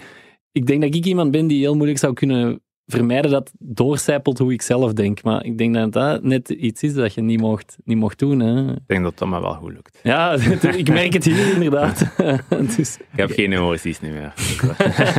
Ik was net naar die laatste anderhalve minuut van Stijn aan het luisteren en ik dacht echt van, wat zegt hij nu eigenlijk? Want ik, het is een en al smokescreen en, en dan toch nog Maar een had hij beetje veel geknipt worden, precies hè, straks. integraal, dat doen we niet, dat doen we niet. integraal erin poeven. Zowat, eh, wie dat er ook integraal ingepoefd heeft, is eh, Ajax tegen VVV. Ja. Oh, oh, my. Dan komen we bij uw MV van de week. Ah, voilà, kijk, hè, dat is een mooie wisselwerking. Eh, ah, wel, ik ga voor de verrassende naam Atemos. Oei. Ja, want... Eh, eh, was het weer dankzij hem dat Ajax 13-0 gewonnen heeft dan? Ja, eh? nou, waarschijnlijk wel op een of andere manier. Maar hij zat bij Ziggo of Fox Sports, een van de twee. En eh, ja, na die 13-0 haalde de man toch wel opgelucht adem, letterlijk zelf. Want ehm, de 13-0 of de 0-13 van Ajax bij VVV is niet hun all-time topscore in een, in een officiële wedstrijd. Dat is namelijk een 14-0 zege van Ajax tegen eh Differdange uit eh, Luxemburg. Europees dan, want in de Eredivisie is het wel het record. In de Eredivisie is het wel, maar eh, dus niet in, in Europa en niet all-time. En wie was er toen trainer van Ajax? Atemos, uiteraard. Dus de man heeft gelukkig voor hem nog een eh, record. eh, Een beetje de Roger de Vlaming. Eigenlijk Ja, wel. eigenlijk wel. Ja, dat is een hele goede vergelijking. Ja. Dat gaan we moeten stelen, inderdaad. Nee, maar VVV Ajax, waanzinnige partij. Ik ga even heel kort wat cijfers delen. Schoten 3 versus 45. Schoten op doel 3 versus 23. Balbezit 24% tegenover 76%. Dat zijn echt statistieken waarvan je denkt van oei, wat is er hier in godsnaam gebeurd? Ehm, en ja, misschien toch nog een klein berichtje van steun aan iemand die hier ook gepasseerd is, Arjan Swinkels. Eh, toen was hij nog speler van KV Mechelen. Nu is hij kapitein van het zinkende schip VVV, of het compleet aan flarden geschoten schip eh, VVV. Hij gaf ook een geweldig interview na die 0-13 nederlaag. Eh, veel ja, echt pijnlijke vaststellingen die hij moest doen. Maar het beste was toch wel zijn opmerking van, ja, wat was het? Hoe, ja, hoe was deze wedstrijd nu? En hij zei, kansloos. Met vier uitroeptekens. Ja. Dus Je moet hem wel nageven, ook na zo'n wedstrijd staat hij wel voor de camera. Hè? ja, Arjen. ja dat, dat zouden weinigen doen, inderdaad. Allee, en, en het draait er ook niet omheen. eh allee. Nee. Dus zoals Stijn van Beveren zou sms'en, kop op Arjan Swinkel. Ik vond de post van de social media manager van, Van VVV, VVV, ook wel eh Het kop verslag op, moet dat ik zeggen. Amai. geladen moest ja. worden. Ja. omdat er zoveel doelpunten waren. Ja, maar op zo'n moment is, ja, het is, dat, is, dat is een klikkanon dan. Hè. Dus dat is de situatie omdraaien. Maar anderzijds, ik vind dat een moeilijke, want er zijn ook supporters die die 0-13 logischerwijze compleet, complete afgang vinden. Dus dan zou het niet leuk zijn als je eigen club er wat mee lacht. Ja, het is, het is heel goed ten opzichte van de neutrale, van de, van de Ja. voltallige voetbalwereld. maar zij betalen geen ten opzichte ticketje. van hè. uw eigen fans Mhm. is het misschien Ik denk dat het goed was voor eh, VVV dat die wedstrijd achter gesloten deuren was. Dat is wel waar. Dat is wel waar. Goed, eh, over naar het volgende. De Spiontop 3.0. Eh, ja, zoals Stijn zegt, achter gesloten deuren. Eh, dat is een beetje weer het geval met heel, met heel België liever. Ehm, dus wij dachten van, ja, we hebben hier een probleem. Ja. We kunnen nergens naartoe en we kunnen deze keer zelfs niet op Lars steken. Dus ehm, daarom hebben we eigenlijk, voor- speciaal voor onze vrienden van Biewen, nog steeds sponsor van dit, eh, van dit rubriekje, dachten we van, hm, de spiontop zit misschien een beetje op zijn gat, dus moeten we misschien naar ja, derden of vierden in dit geval gaan zoeken, die voor ons misschien een spiontop zouden kunnen doen. En uh, gelukkig hebben we een uh, fan van het eerste uur. Onze goede vriend, hij zat in onze eerste aflevering al een vermelding. Dus, eh, Ja. Eh, meneer Red Magic, Hans Red Magic, Ja. die speciaal eh, voor ons, zal ik er maar van maken, naar eh, Ludo Gorets Antwerpen is gegaan eh, afgelopen En donderdag. zo waar binnen is geraakt. zo waar binnen is geraakt. En eh, ik heb hem daarnet al even gebeld. Eh, en ik moet zeggen, het was een, eh, een fantastisch verhaal eh, dat hij vertelde. Ik zou zeggen dat we er nu gewoon best even naar luisteren. Dag meneer Red Magic. Dag meneer Mabe. Oké, goed. Ja. Meneer Mawe, dat vind ik wel leuk. Dat je zo niet iedereen van Shotcast adresseert, maar specifiek mij. Dat vind ik wel, eh, dat vind ik wel geestig. Maar eh, ik, ben, ik vind het vooral geestig ehm, dat jij de, de handschoen hebt opgenomen en voor ons speciale spiontop bent bezig gaan doen. Ja, als we op de Lars moeten wachten, dan kunnen we bezig blijven natuurlijk. Dus ik dacht, ik zal die jongens maar eens uit de nood helpen. Hè. Ja, het zal wel zijn en, en hartelijk dank daarvoor. Nu, vooraleer we naar de spiontop gaan, eh, ben je alweer nuchter na afgelopen zondag? Of, of hoe hard was het, of hoe zwaar was het feestje? Ja, het was eigenlijk heel rustig. Heel rustig. Ik heb alleen thuis gekeken. eh, ik, eh, we kunnen niet op café. Ik Ja. vond het na mijn reis naar Bulgarije ook niet opportun om met een hoop vrienden samen te gaan kijken. Ja, naar, ja, ik voel mij niet ziek of zo, maar je moet het allemaal ook niet gaan zoeken natuurlijk. Dus eh, heb ik beslist om alleen thuis in de zetel te kijken. En ik heb wel geteld één pintje gedronken, want ik ben toch vooral een sociale drinker Ja. en niet een problematische drinker die op zijn eentje gaat drinken. Dus eh, dus je bent een. Antwerp van die vrijwillig in quarantaine gegaan is ten tijde van de Antwerpse derby, de eerste met belang in jaren. ja, inderdaad. Wat zo belangrijk was die match nu ook niet. Hè. Ah als jij het zegt, eh, Hans. Ja. Maar goed, eh, los van de derby, je zei het, ja, je bent eh, donderdag en, en de dagen ervoor ook in Bulgarije beland voor de Europese wedstrijd van Antwerpen tegen Ludo Gorets. Ik zou zeggen, ja, analyseer away, want Ludo Gorets, dat was nu wel eentje die niet op het lijstje stond van Lars, denk ik. nee, dat, dat kan ik geloven. Pertang, een aanrader. Heel, heel sympathieke mensen ginder. Niet zo groot dorp, maar toch een paar, genoeg cafés en restaurants. En, ja, toptrip gehad. We zijn eh, vorige week zondag vertrokken naar Sofia. Daar hebben we de derby gezien, eh, Slavia tegen Levski Sofia. Dus eh, dat was al top van nog eens voetbal te kunnen zien. Voor mij was dat ook een extra land erbij. Dat was mijn 25e land waar ik voetbal zag. Dus Hou je dan echt Was, een lijstje een bij, of, of heb- heb je zo'n Nee, kaart die je inkleurt? nee, ik had een lijstje bij. Oké. Doe niet meer met kleuren. Ik eh, ben kleurenblind, dus ik kleur niet zo graag. Eh, maar ja, ik had wel zo'n lijstje bij. Dus dat is een beetje een jubileummatch voor mij. Hè. 25 landen. Ik had het niet verwacht dat er in 2020 nog van zou komen. En dan op dinsdag zijn wij doorgereisd naar uh, Razekrat. Ja, stad waar dat Ludo Gorets speelt. Dat was een rit van een 350 kilometer, maar dat was toch vooral een rit van heel slechte wegen. Dus ja, we waren heel blij dat we er waren aangekomen, want dat had lang genoeg geduurd. oké. En dan op zoek gegaan naar tickets, wat dat... eh, Want die had je nog niet voordat je vertrok. Nee, die hadden we nog niet, nee, nee. Dus eh, je moest ter plaatse kopen. Die dinsdag zijn er wel tickets online gekomen, maar het lukte ons niet om die te bestellen. Eh, ik had daar zo'n kastje nodig van de bank en ik had dat niet bij, dus met mijn app lukte het niet.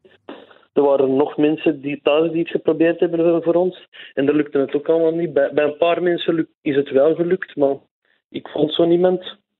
Ja, Maar dan uiteindelijk donderdagochtend eh zijn we toch aan tickets geraakt. Dus eh, woensdag nog een Ja. hele dag geprobeerd. Eh, er was een cafébaas, die heeft... Oh, ik denk dat we tot bij de voorzitter van Ludo Gorets zijn geraakt met ons vragen. bij de voorzitter Maar- zelfs. Ja, die had schrik voor ehm, straffen van de UEFA, omdat die heel strikt waren op geen uitfans en dit en dat. Eh, maar ja, uiteindelijk donderdag eh, een paar gasten met een heel goed verhaal dat ze eh, Erasmus-studenten uit Sofia waren, naar daar gegaan. Die hadden een mail van iemand van de marketing dat ze ticketten mochten kopen. Ja, Die waren maar met vier, hadden ze gezegd. Maar uiteindelijk hebben die toch zeven tickets kunnen kopen, waaronder twee voor een, een mens van 45 en een andere van bijna 60. Dus Duidelijke we zagen er ook echt Erasmus-student. een hè, aantal ja. studenten. Dus, eh, en dan was het ja, nog bang afwachten of we binnen gingen geraken, want we wisten dat er passencontrole ging zijn. Ja. Maar ik denk uiteindelijk, ja, we waren maar met een man of 15 van de Antwerp. Dus ze zullen ginder ook zoiets gehad hebben van, goh, laat die jongens maar binnen, want aan de passencontrole niks van problemen. Het was dan nog even bang afwachten dat ze zijn temperatuur namen, maar iedereen binnen geraakt en eh, van de match kunnen genieten. Ja, sowieso. En, en was het het allemaal waard? Want er was natuurlijk de overwinning, maar was het alles waar je vooraf van droomde dat het zou zijn? Ja, het was het allemaal waard. Eh, De, mijn eerste keer de Antwerpen in een Europese poolfase gespeeld, sowieso. Maar als we dan dat bezoekersvak zagen, het was echt, het was echt een groot bezoekersvak, dan deed het eens zoveel pijn. Hè. We hebben er herhaaldelijk op een tribune gezeten dat we zeiden van hier hadden we eigenlijk met 2000 man achter de goal moeten staan. Wat voor een feest had dat niet geweest. Ja. Maar het was, het was geweldig om er eens tussenuit te zijn voor een, voor een weekje. En ja, de Antwerpen nog eens in het stadion te zien spelen. Hè. Ja, sowieso. Dat kan ik, eh, kan ik mij inbeelden. Nu, als we even de, de checklist afgaan van, eh, van de traditionele spiontop. Eh, nog even de, de feiten. eh, naam van het stadion en de capaciteit. Ludo Goretz Arena. Ja, oké, origineel. En ja, het heeft ook een moeilijkere naam, maar die ben ik vergeten. Dus ik kwam maar voor een simpele naam. En eh, capaciteit 11.000, dacht ik, zoiets. 11.000. En, en hoe coronaproof eh, was het gevuld? Eh, er zat 2300 man, heb ik mij laten vertellen. Oké, ça va, goed. Ja, dan hebben we onze vijf puntjes natuurlijk, hè, die punten op vijf verdienen.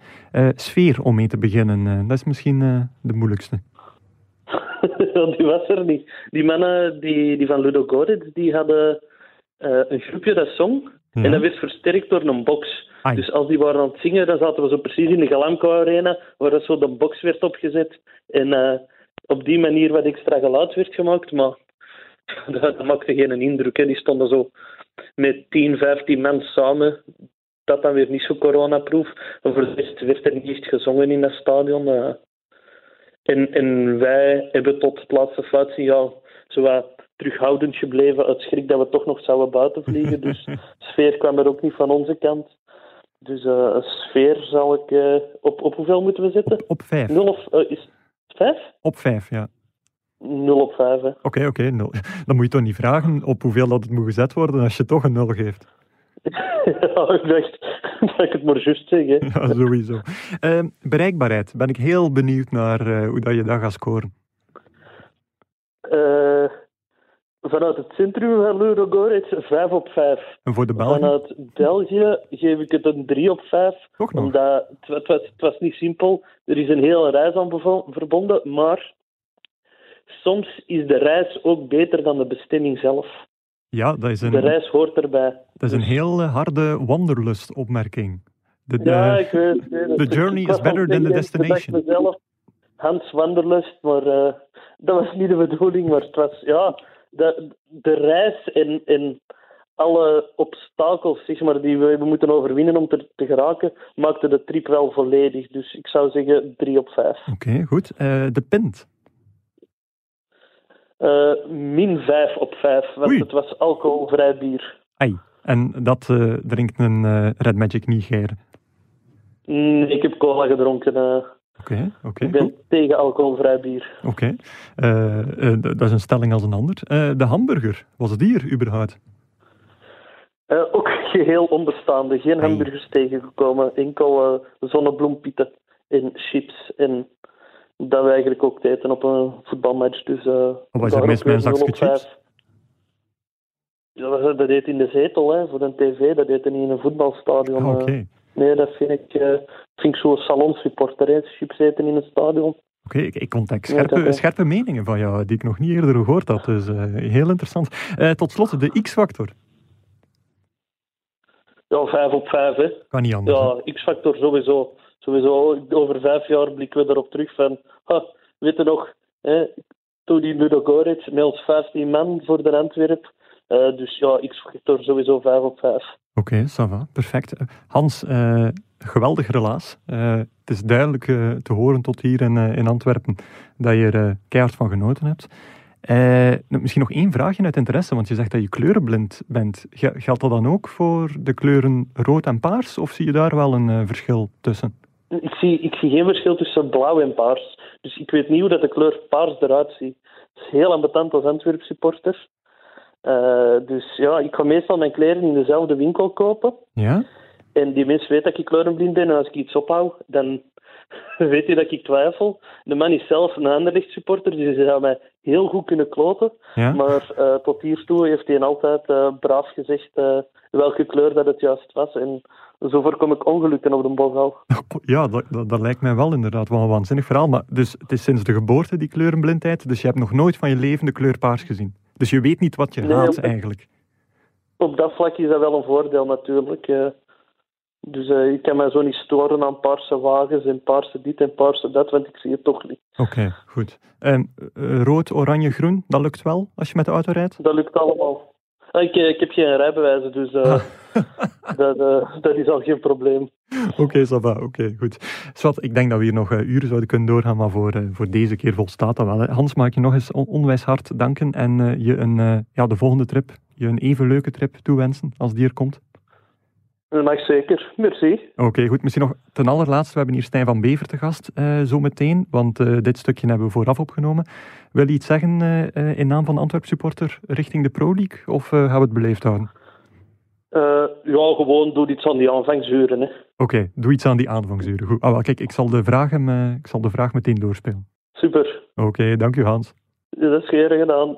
Ja, dat was eh, meneer Red Magic. Toch wel een goed verhaal eigenlijk. hè? Ja, nee, straf. Straf, hè? Ja, Dat hij en, daar binnen is geraakt, vind ik eh, ja dat is eh, opmerkelijk. ja, tot bij de voorzitter van, eh, van de club gekomen, die dat dan half-half gefixt heeft voor hem. Hij wou het niet echt zo zeggen, maar ik denk wel dat dat het geval zal geweest zijn. Maar dus helemaal op het einde nog een, een vraag voor onze gast, Stijn. Hij zegt van, Pro League, doe zo verder, maar doe iets aan de aanvangsuren van de wedstrijden. Want dat vindt hij als fan niet echt geweldig. Wat, wat valt er daaraan te verhelpen, Stijn? wat, een lange stilte. Er eh, ja, Zijn er nog in uw fichebak aan het gaan?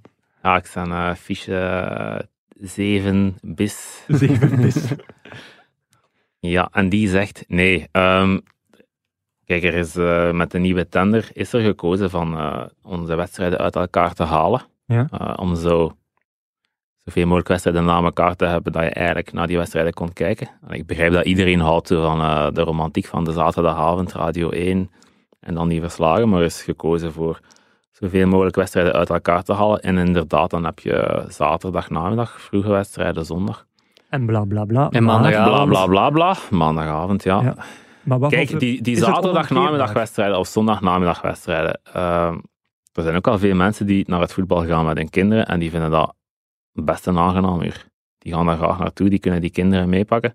Ik ga ook wel vaker naar het voetbal met mijn kinderen, die nog klein zijn. Zaterdag namiddag, het is niet dat ik de slots heb bepaald, maar zaterdag namiddag is best, eh, een, allee, best een aangenaam uur om met die kinderen naar, naar het voetbal te gaan. Trouwens, in Engeland is dat ook. Hè. In Engeland wordt dat dan zo een beetje gecultiveerd. eh, de ganse zaterdag namiddag naar het voetbal. Je vertrekt, eh, je drinkt er een, gaat naar het voetbal, je gaat daarna nog een gaan drinken. Maar je kunt En geen cherrypicking doen. Hè? Je kunt niet zeggen van dat vinden we leuk in Engeland, dus dan verwijs naar Engeland. Maar dan meervoudig stemrecht ligt daar ook weer. De discussie Maar ik vinden we doe dat niet cherrypicking. Maar ze hebben daar ook de, voorbeelden. de vrijdag Aha. toch afgevoerd omdat er te veel protest van kwam. Hè? Aha. Ja, dat kan. Eh, Maar maar ik- de vraag van Hans is eigenlijk, is het onom onomkeerbaar, de uren? Liggen die nu vast voor effectief de rest van... eh, We hebben zaterdag voormiddag nog overleg gehad met de supportersfederatie en eh, een vertegenwoordiging van de ultra's. En daar is dat ook op tafel gekomen. En er is gezegd dat het maandag voetbal zou bekeken worden en dat het zou beperkt worden als het kan. Maar het zijn ook gewoon... Allee, het bepalen van dat kalender zijn heel veel zaken bij elkaar. Hè. Het is, eh, wat wil de lokale overheid, wat wil de politie? Is er Europees voetbal in de week? Ploegen die donderdag spelen, die worden op maandag gelegd. Dus het zal niet verdwijnen. Daar moeten we ook eerlijk in zijn. Daar moeten we ook eerlijk in zijn. We moeten nu niet gaan zeggen van eh, het is volgende week is gedaan. Nee, het, het zal ook niet verdwijnen. Nee. Is er al een oplossing eigenlijk voor de uitgestelde wedstrijden? Want jullie hebben een uitzondering gevraagd aan de UEFA om het toch nog te laten samenvallen met Europese avonden, Mhm. wat voor hen normale no-go is. Eh, wordt dat een eh, go-go dan voor België? Wordt, wordt toch moeilijk? Het wordt moeilijk, hè. Het wordt echt à la carte. Sommige wedstrijden kijken om die tijdens uh, interlandbreaks te leggen. Andere wedstrijden kijken waar ze kunnen ingepast worden. Andere wedstrijden zullen ja, in de, de laatste twee weken van de winterstop uh, moeten ingepast worden. Dus het zal een korte winterstop worden. Ja. Maar goed. Uh, en die, die wedstrijden waar er even sprake van was om, om, om vier uur in een Europese week in te halen, dat is, dat is ook geen optie door de In geval van nood, in geval van nood kan dat nog. Want, allee, nu, allee, het wordt wel moeilijk najaar. Hè? Ja. Allee, zeker als er nog eens een Europees spelende ploeg uh, met een uitgestelde wedstrijd... ja, dat, dat, dat, is, allee, dat is gewoon een feit. Als Club Brugge een uitgestelde wedstrijd heeft, er is tot, tot kerstmis geen, geen ruimte meer mm -hmm. in de kalender zelfs om die, uh, om die in te halen. Um, ja, dat wordt moeilijk. Dat zal dan eigenlijk al uh, inderdaad naar die periode in de winterstop moeten gaan. Hè. Ja, en vanaf, vanaf welk punt is er afgesproken van nu schaffen we de play-offs af? Want dat is het eerste dat, dat er uitgaat als het, uh, als het moeilijk wordt. Hè? Is daar een bepaald punt voor afgesproken? Van... Deadline, zoveel in te halen wedstrijden? Nee, het wordt gewoon... Uh, ik denk, ik denk wat, dat, wat dat heel belangrijk zal zijn, is gewoon blijven spelen. Geen speeldagen in zijn geheel uh, gaan uitstellen. En blijven spelen en alles inpassen. En dan zal het zien ook, ja, wat is de, de, de virologische context, zoals het heet. Uh, en uh, tot waar dat we kunnen gaan. Maar het is ja, natuurlijk als ploegen die Europees spelen, als die wedstrijden gaan moeten uitgesteld worden, dan wordt het niet eenvoudig. Ja. Nu, Hans, long story short, je, je aanvangsuren die zullen ja, u zou er maar beter Maar hij ging er eens persoonlijk met mij over praten. Hè. Hij had ah, dat gevraagd, ja. Ik denk via u dan nog als omweg. Ik heb gezegd... Ja, ik had gevraagd of Hans Red Magic eens mocht aansluiten bij een uh, mm -hmm. vergadering van de, ah, van de algemene vergadering van de Pro mm Zit dat er dan in, Stijn? ik denk dat hij liever andere dingen zit. Mooi, ik denk toch wel een klein cameraatje meepakken. Ik denk toch wel dat dat iets kan opleveren. Dat is al gebeurd, hè, blijkbaar. Dus ja. Is al gebeurd? geeft toch ooit eens bij jullie collega's de dag nadien, uh, wij waren erbij. Ah, gestaan, dus. met, uh, met beelden effectief? Nee, geen beelden, ah. gelukkig niet. Nee, nee, be beelden. En is het dan een heksenjacht uh, wie, wie dat geregeld heeft? Weet daar krijg je toch grijs haar van dan. Dat dat instant gelekt wordt in die vergadering. Als communicatiehoofd. Dat krijg je... Ik heb nog altijd geen grijs haar. Hè. Ik vind het ook wel raar dat ik nog altijd geen heb, eerlijk gezegd, na al die jaren. ja, dat is jammer, om het zo te zeggen.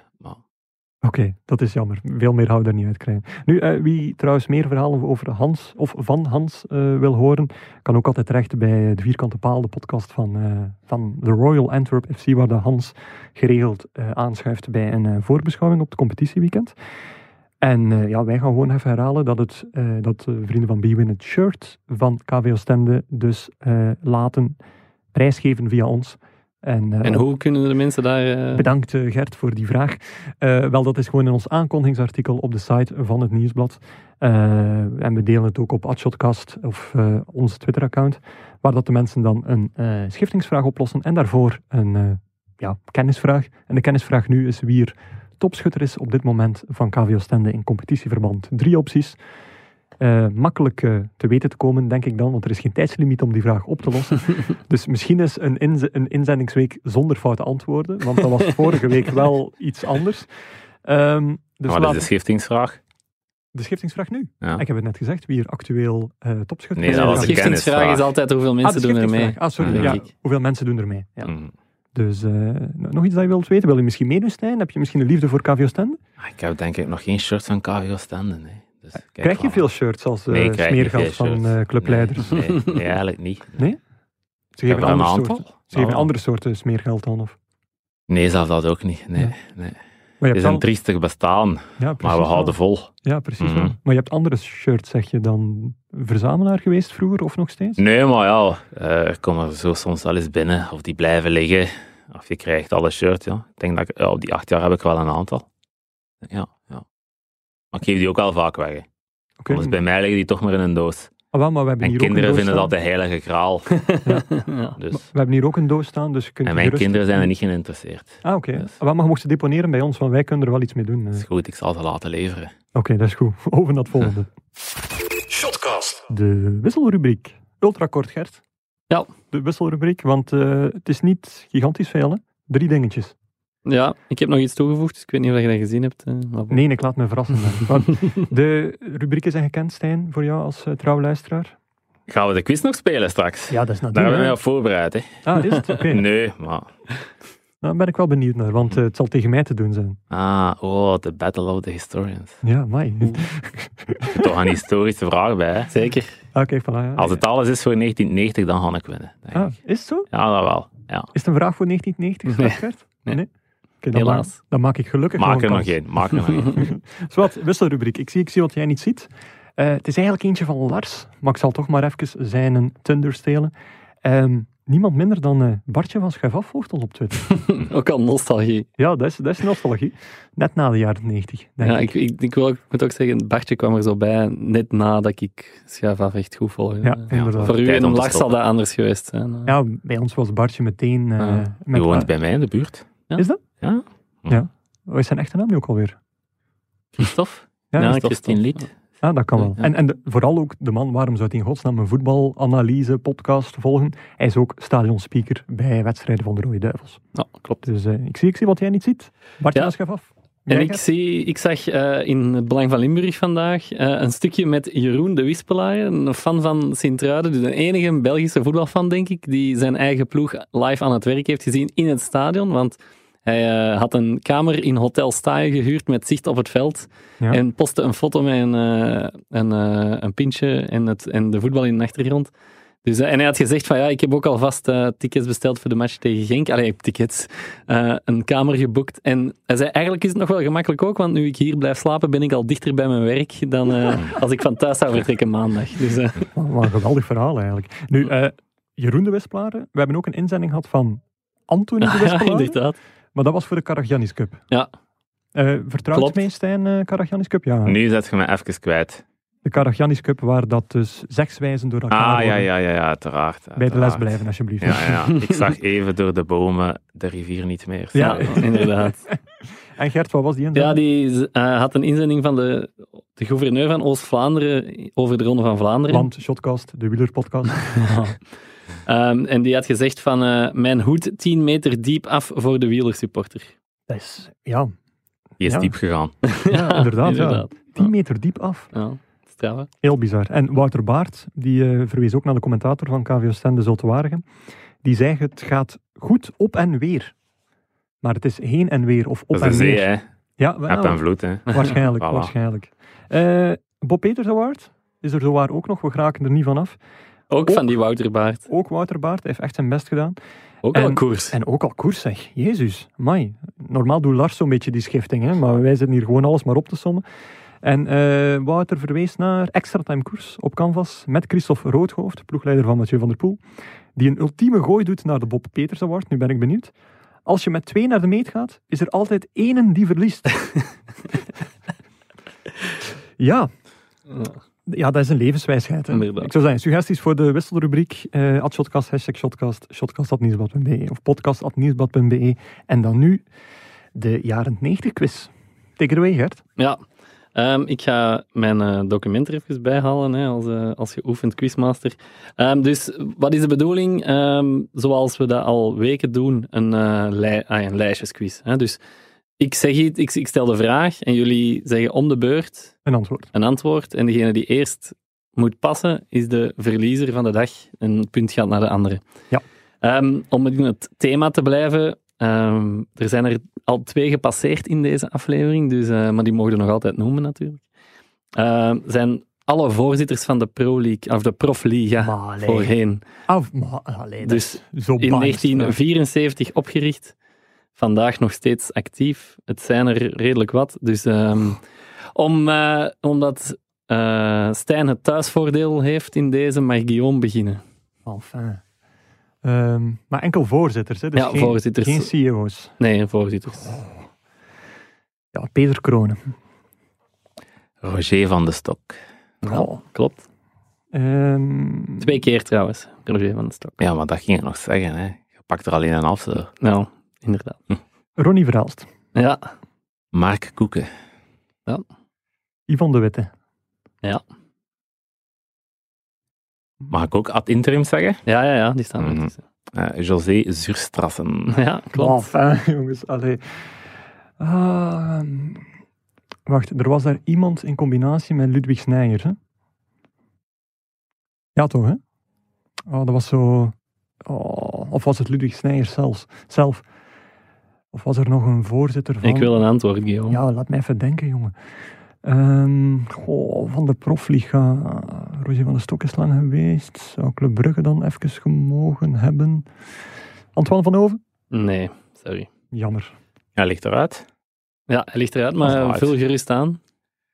Peter Kwagebuur. Ja, Ehm, ik denk ook Roger Petit op een klopt. bepaald moment. Ja, dat was de eerste. Eddie Wouters. Ja, Ehm, Roger van der Stok dan nog de tweede keer. Is het gewoon in volgorde aan het Ah. afhaspelen? Ah, wacht. Jean-Marie Philips. klopt. Duobaan. Voorzitter en CEO. Kijk, het wordt nu geklaagd over cumuleren. Voilà. Ja. En dan nog ene, dacht ik. eh, wacht, hè. ik weet niet dat die voorzitter is. En toch die samen met Ludwig Snijers? eh, Er dat is was Michel Dupont. Hè. Ah ja, maar die was toch nog niet gezegd? Heb je die nog niet gezegd? Nee, nee. Oké. Jawel, die had hij al gezegd. Ja? Maar bon, ja, dan heeft hij me nu gezegd. Eh, de, degene die je nog zoekt, is die tussen 81 en 86. Ah, ja. En Guillaume heeft er al een voorzet voor gegeven. Le Brugge dan. Ja, Michel Ja, Dogen. Michel Dogen. Michel Dogen. Nou. Ja, Dan waren ze dus Roger Petit, Michel Dogen, Roger van den Stok, Eddie Wouters, Jean-Marie Philips, Ivan de Witte, Ronnie Verelst, José Zurstrassen, Michel Dupont, Peter Kwagebuur, Roger van den Stok opnieuw, Mark Koeken, Peter Kronen. ja En- eh, En counting. Stijn, proficiat zou ik zeggen. Het was een Ja, gedeelde het was een beetje- pre-1990 ja. vraag. hè. Ja, dat is ook een beetje op mijn terrein. Hè. Ik vond het zeer biased van de quizmaster. Ja, dat begrijp Ja, ik. hij, was gisteren een, hij had gisteren al een suggestievraag gedaan, maar ja, die heb ik natuurlijk niet genomen. eh. Ik heb nogthans gezegd dat ik niet naar de antwoorden zou maar goed, ja. Eh, over naar het volgende, het laatste. Shotcast. Wat gaan jullie volgende week doen? En eh, Gert, bij ons twee is dat vaak hetzelfde. Ofwel werken ofwel vakantie gaan, want veel voetbalmatchen kijken zit er niet in. Dus eh, Ah, ja, Eh, tenzij je iets speciaals Nee, nee, ja, naar de voetbal gaan. eh, ik- ik ga voorlopig alleen naar de U6 van Zwarte Leeuw. En het is maar de vraag of dat na woensdag ook nog mag doorgaan. Eh, ouder, hè. Kunt je daar eh, iets over, weet je daar iets van, persoonlijke interesse? Over Zwarte Leeuw. Nee. Ooit nog in het paniniboek gestaan. Ja, dat is waar. Ja, Tweede is waar? klasse. Op één Mhm. match van promotie naar eerste klasse Ah, gestaan. oké. Zitten in een Belga Sport over Genk, Ah, trouwens. kijk. Maar, eh, nee, ik bedoel eigenlijk eh, de, het jeugdvoetbal. eh, er is, ik heb gehoord woensdag een vergadering met de kan, VFV. Nee, weet je niks van. VV, hè. VV, ja. VV nu. We leven nog in het verleden. Hè. Eh, wat ga jij doen, Stijn? Is het nog wat damage control? Of, eh, Ik heb eigenlijk geen idee. Eh, mijn vrouw is al twee weken weg voor het werk naar het Oei. buitenland. Dus ik moet alles combineren met twee kinderen. Dus ik doe nu een smeekbede naar mijn schoonmoeder om de kinderen vrijdagavond te komen halen. En dan kan ik komend weekend, ik zal er wel voor zorgen dat ze deze gehoord heeft. En dan zal ik eh, komend weekend zien. Maar zolang dat er, ja, allee, eh, er zal competitievoetbal zijn, dus ik denk eh, gewoon zien dat ik altijd bereikbaar ben. Als er weer positieve gevallen zijn, bijvoorbeeld, dat ik kan reageren, dat ik op vragen kan reageren. Van uw confraters. Dus ja, naar de koers moeten we al niet meer kijken. Hè? Nee, Dus aan iets anders kunnen we eigenlijk ook niet doen. Hè? de cross. Misschien ga ik wat doelloos wandelen. Moet jij niet sowieso van, ik weet niet, 9 tot 5 op, eh, de, buur, op de burelen van de Pro League zijn? Of In het weekend? Of tijdens de week bedoel? Maandag tot vrijdag. Hè. Ah, sorry, ik dacht dat het over het weekend ging. Eh, ja, zien dat ik bereikbaar ben, werken. Hè. Eh, hopen dat we verder kunnen gaan, kunnen blijven spelen. Op vragen. Er zijn nu heel veel vragen natuurlijk. Hè. Ook met elke regio, elke provincie heeft zijn eigen maatregelen stilaan blijven. Ook met die avondklokken en zo. Dus eh, zien dat we daar eh, altijd binnen de regels blijven. Het- Covid-protocollen herschrijven? Of, eh, Uiteraard. Ja. Daar heb ik ook al een lade vol van. Ja? Mhm. Oké. Eh, en zeg het zo, maar je blijft zo rustig dat je dat aanpakt. Dat, dat verbaast me wel. Zo echt zo chill. We zitten in de grootste mondiale crisis van dit millennium. En je zo, oh chill, ja, het komt allemaal wel in orde. Nee, allee. Ehm, het is voor wel moeilijk, hè. Wat ons daar eh, Ja. niet Allee, dat is wel een feit. Het is voor veel clubs moeilijk, maar... Ja, elk moet zijn rol opnemen. Ik moet op vragen antwoorden. Ik moet zaken proberen eh, te regelen. Dus dat doe ik dan, hè. Nee, oké. Eh, kijktippen, tot slot. Stijn, iets waar dat we naar uit moeten kijken deze week? Pak hem een beetje op snelheid. ja, Gert- Gert, jij Antwerp tot, een, Antwerp tot een Ah, wat Ja. wou jij kiezen? Daar gaat mijn kijktip. eh, ik wou daar nog aan toevoegen de eerste professionele wedstrijd van Toby Alderweireld op Antwerps Mm. grondgebied. Toch voor hem een beetje speciaal. en José. En José Mourinho op de Bosel. Ehm, maar wat we ook naar uit kunnen kijken, eh, nu moet ik zien dat ik niet die van u neem, eh, Guillaume. Ik ben heel benieuwd. Nee, Benfica staan daar, hè, want Michel Prudhomme... allee, Ja. ik weet niet of hij meegaat eigenlijk, maar toch een beetje de Michel Prudhomme-match. Ja, ik heb ooit eens... En de eh, Jan Vertongen-match. Ja, met eh Club Brugge naar Porto, toen, eh, in de Champions League, toen Prudhomme nog trainer was. De persconferentie was, was precies alsof God de Vader was neergedaald. Hij heeft ook alles in het Portugees beantwoord aan Portugese journalisten. En zij aanbaden de man, wat niet geheel onterecht is natuurlijk, gezien zijn prestaties daar en zijn statuut in, in Portugal. Maar ik raad mensen aan om hun tv aan te zetten zaterdag 8 uur s'avonds voor een waar doelpuntenfestival Groningen tegen VVV. kan bijna niet anders dan, eh, dan een feestje te worden. Alle wedstrijden van Serrain. Alle matchen van Serrain, Ja, inderdaad. dat kan ook. Ja. Ehm, Stijn, mag ik je danken voor je komst? En mag ik ook zeggen van, dit voelt een beetje aan als een wedstrijd die ik net verloren heb. Je hebt het ook verloren. Hè. Ja, dat quizje, allee, Dat quizje, oké. historici onder elkaar. Guillaume, die pak je me nooit meer af. Nee, inderdaad. Ja, maar ik had toch gehoopt van misschien toch wat meer achter de schermen zaken uit jou te krijgen. Gert misschien ook? Het spijt mij als je dat aanvoelen hebt, als ik hier vandaag teleurgesteld ben. Het spijt mij, Guillaume. Het spijt mij, voetbalminnend Vlaanderen. Sorry. Eh, verontschuldig u maar aan de, aan de luisteraar. ja. En, en keer niet in Nochtans, die- zoals een van uw collega's het ooit ook wel zei, vorige, dus de maanden april, mei, juni, juli, augustus, de Pro League is a gift that keeps on giving. Ja, dat, is is wel waar. waar. heb ik zelf ook wel eens gezegd, denk ik. Voilà. Zegt wel iedereen. Goed. Ludo, Ludo van der Wallen zeker in een eh, Ja. commentaarstuk. Mhm. Goed, eh, afsluiten dan maar. Hè. Herhaling kanalen, at shotcast, hashtag shotcast op Twitter, podcast.nieuwsblad.be, shotcast.nieuwsblad.be. En de bedankingen. Bedankt Biewen voor het A uitdelen van het shirt van STVV en het B aanbieden van het shirt van KVO Stende dat via de website te winnen valt. Bedankt Stijn van Bever. Jullie bedankt. Ja, ProLeague en eh ProLeague eh, woordvoerder en we hebben nog niet vermeld, maar ook zo dat stiekeme, misschien wat onbekendere gezicht dat tijdens de Crocky Cup lotingen ook wel in beeld verschijnt. Een heel braaf balletjes doorgeeft aan de moderator. En dan, niet vermeld, maar zeker een dankje waard, bedankt Kilian Overmeijer voor 17 jaar profvoetbalplezier. Vriend van de show, twee keer te gast geweest. Ja, dat is enkel maar de kers op een carrière. En eh, hopelijk voor hem snel terug aan de slag. Zij het dan op amateurniveau. Maar eh, hij zal er eh, zeer, veel- zeer veel zin in hebben. Tot volgende week.